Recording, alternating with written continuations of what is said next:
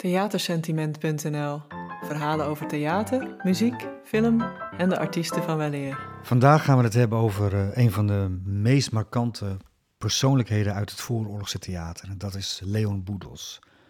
Uh, hij is zanger, komiek, regisseur, maar vooral ook de man met de hoge hoed. Hij was haast zijn hele leven lang verbonden aan het legendarische Flora Theater in de Amstelstraat in Amsterdam. Of dat hier nou de zon of de maan is? Ach, zegt die derde persoon. Het spijt me wel, meneer, maar ik kan het u heus niet zeggen. Want ik ben vandaag zelf pas voor het eerst hier in de stad.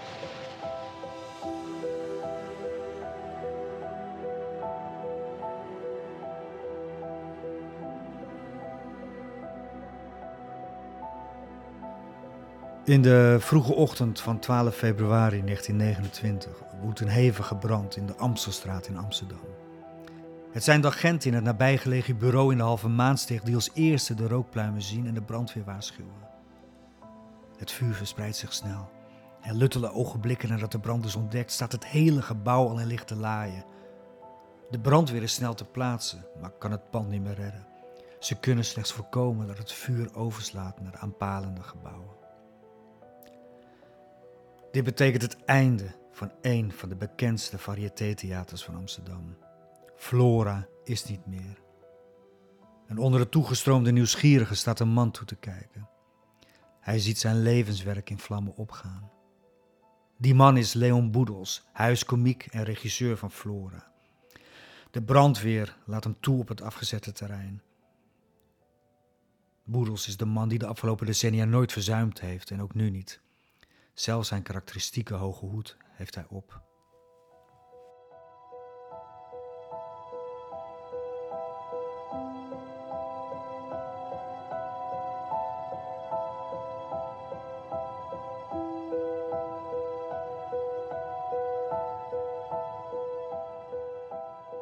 Leon eh, Boedels is dan 63 jaar.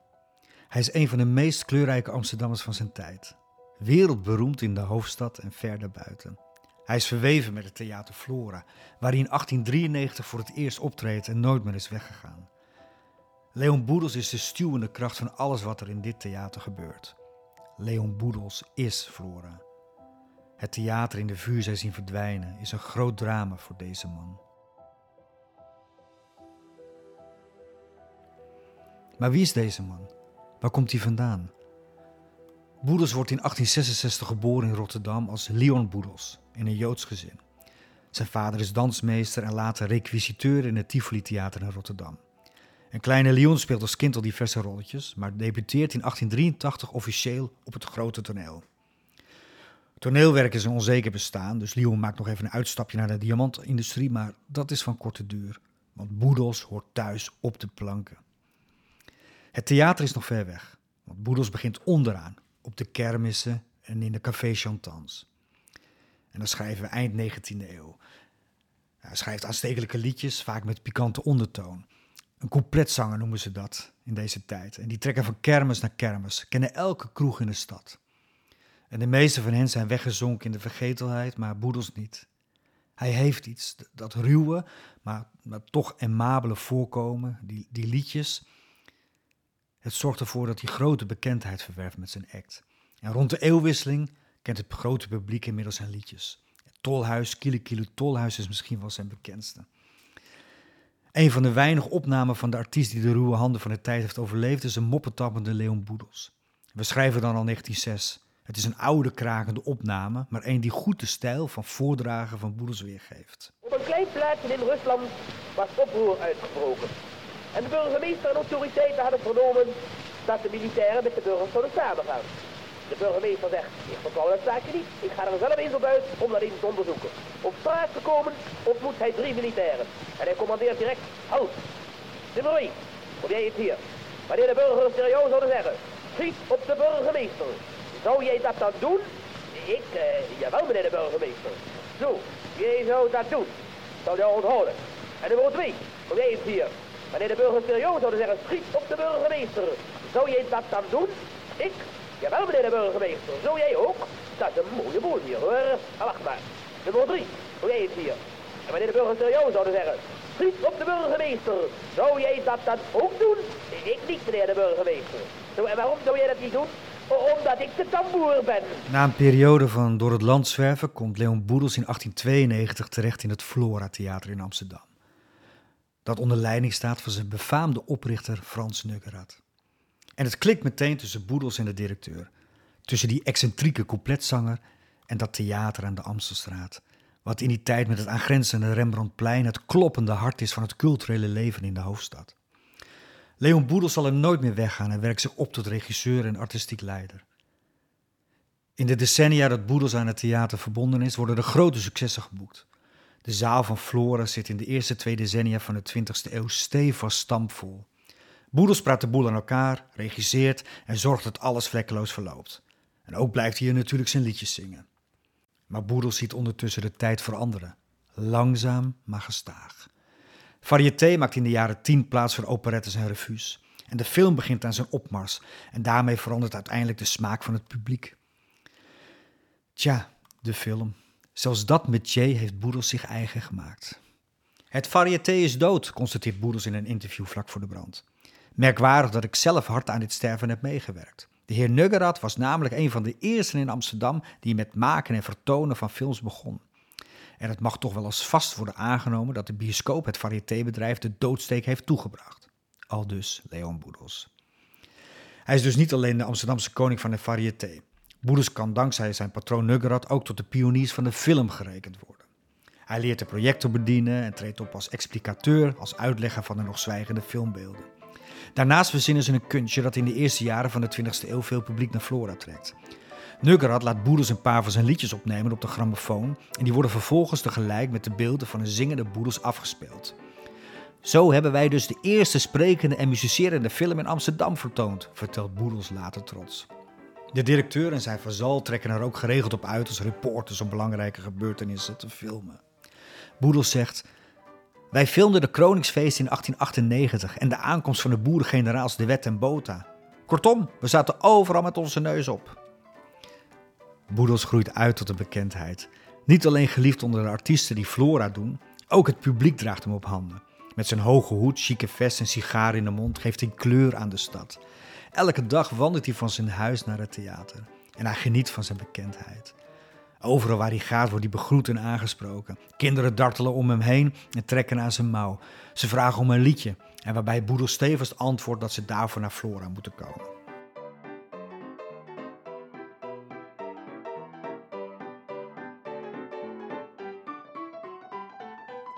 In 1914, bij het uitbreken van de Eerste Wereldoorlog, heerste er aanvankelijk grote paniek in de culturele sector. Wat voor ellende gaat deze moeilijke tijd ons brengen?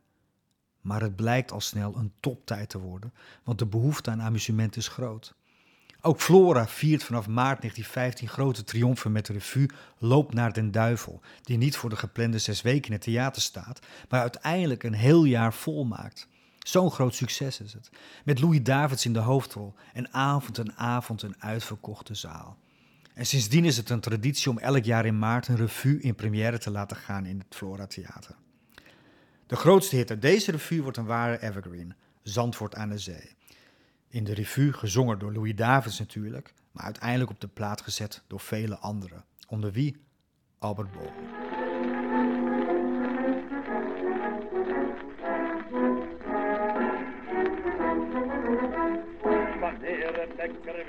De natuur in blijde lach. Haar paard een hoed en moe haar bloesje voor de dag. De meisjes maken stijve papillotjes in de haar. De jongens die kopen een zwembroekje en dan is het taakje klaar. Om vijf uur morgens is het hele stel al in de weer. Ze stappen naar het station en vader zegt acht verkeer.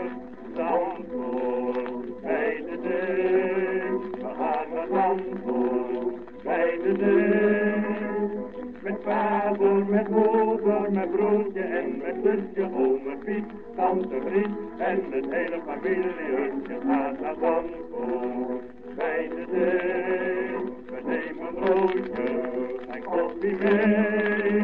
Oh, het is zo'n zaligheid wanneer je van de zuinigheid in Zandvoort bij de deur.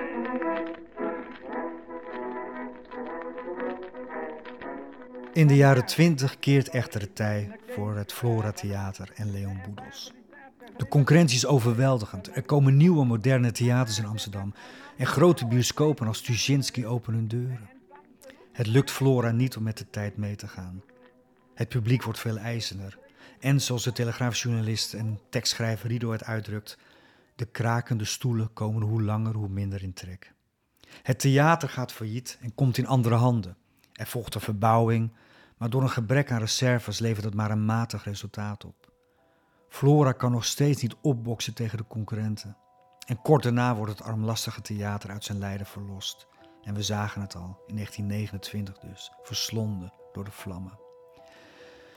Na de brand in Flora stort de wereld in voor Boedels. Hij raakt niet alleen zijn inkomen kwijt, het hele fundament onder zijn bestaan is weggeslagen. De plek waar hij bijna 40 jaar lang ziel en zalig aan, het heeft, aan heeft gegeven, is niet meer. En het laat een diepe mentale wond achter. Boedels kan als artiest niet anders dan de boer opgaan. Optreden en sappelen, zoals 40 jaar eerder. Hij gaat naastig op zoek naar engagementen in Amsterdam en naar buiten, maar dat lukt maar moeizaam.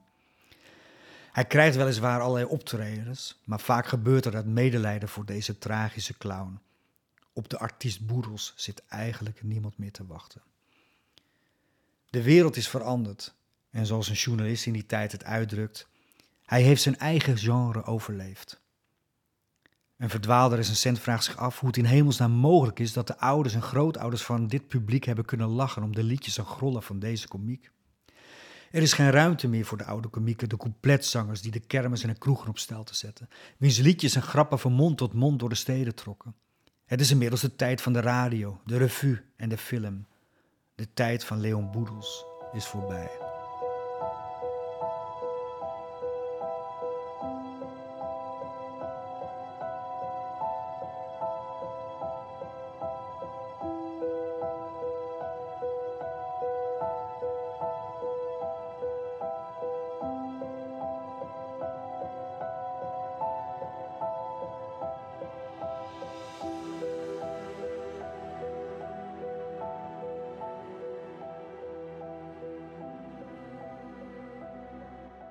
Nog één keer staat Boedels in het zonnetje, als hij zijn 45-jarig jubileum viert. Dat doet hij in de Hollandse Schouwburg in Amsterdam.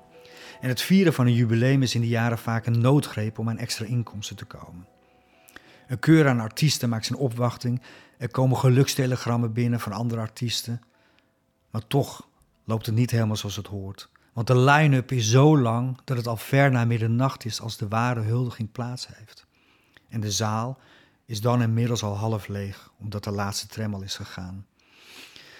Het is een veelzeggend einde van deze artiest, maar gelukkig blijft erger leed hem bespaard. Want enkele maanden later wordt Leon Boedels niet meer wakker. Nagenoeg alle kranten besteden ruim aandacht aan het overlijden. Medelijden maakt plaats voor respect. Een groot Amsterdammer is heen gegaan, schrijven verslaggevers vol weemoed. Een monument, gelijk aan het paleis op de Dam maar het is goed zo. Een verslaggever schrijft: De ruïne van het theater was zijn ruïne. De brand in Flora is hij nooit te boven gekomen. De dagelijkse wandeling van zijn bovenwoning aan de Amstel naar de Amstelstraat was een levensbehoefte. Het liefst zou hij als een kapitein ten onder zijn gegaan met zijn schip. De begrafenis van Leon Boedels is indrukwekkend. Met een bloemenzee en duizenden bezoekers krijgt de artiest van weleer een waardig afscheid. Nog één keer kan hij schitteren. En terwijl de stoet door de stad trekt, brengen artiesten vanaf het balkon van het Grand Theater een laatste groet. Een regen van witte bloemen daalt neer op de stoet. Op de Joodse begraafplaats in Diemen vindt Leon Boedels zijn laatste rustplaats. De oude artiest Leon van Lier wijdt nog enkele woorden aan zijn goede vriend. Je hebt gewerkt zolang het dag was. Je was een goed mens, een goede vriend en een vraagbaak voor de theaterdirecteuren aldus Leon van Leer. En zo verliep het afscheid, het einde van Leon Boedels.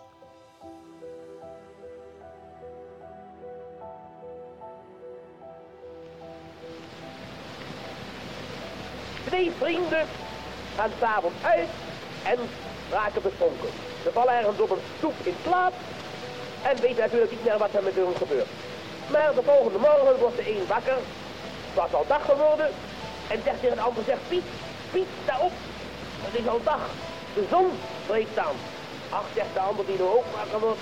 Dat is de zon niet, ben je gek, vent? Dat is de maan. Nee, zegt de andere, dit is de zon. Nee, dit is niet waar, dit is de maan of zich kwestie en strijden met elkaar. Juist op dat ogenblik komt er een derde persoon voorbij. En toen zegt de een die het beste bij zijn positieven is, tegen die persoon, ach, meneer zou die maar alsjeblieft een plezier willen doen? We hebben een strijd met elkaar. Zou je ons niet eens kunnen vertellen of dat hier nou de zon of de maan is? Ach, zegt die derde persoon, het spijt me wel meneer, maar ik kan het u heus niet zeggen, want ik ben vandaag zelf pas voor het eerst hier in de stad.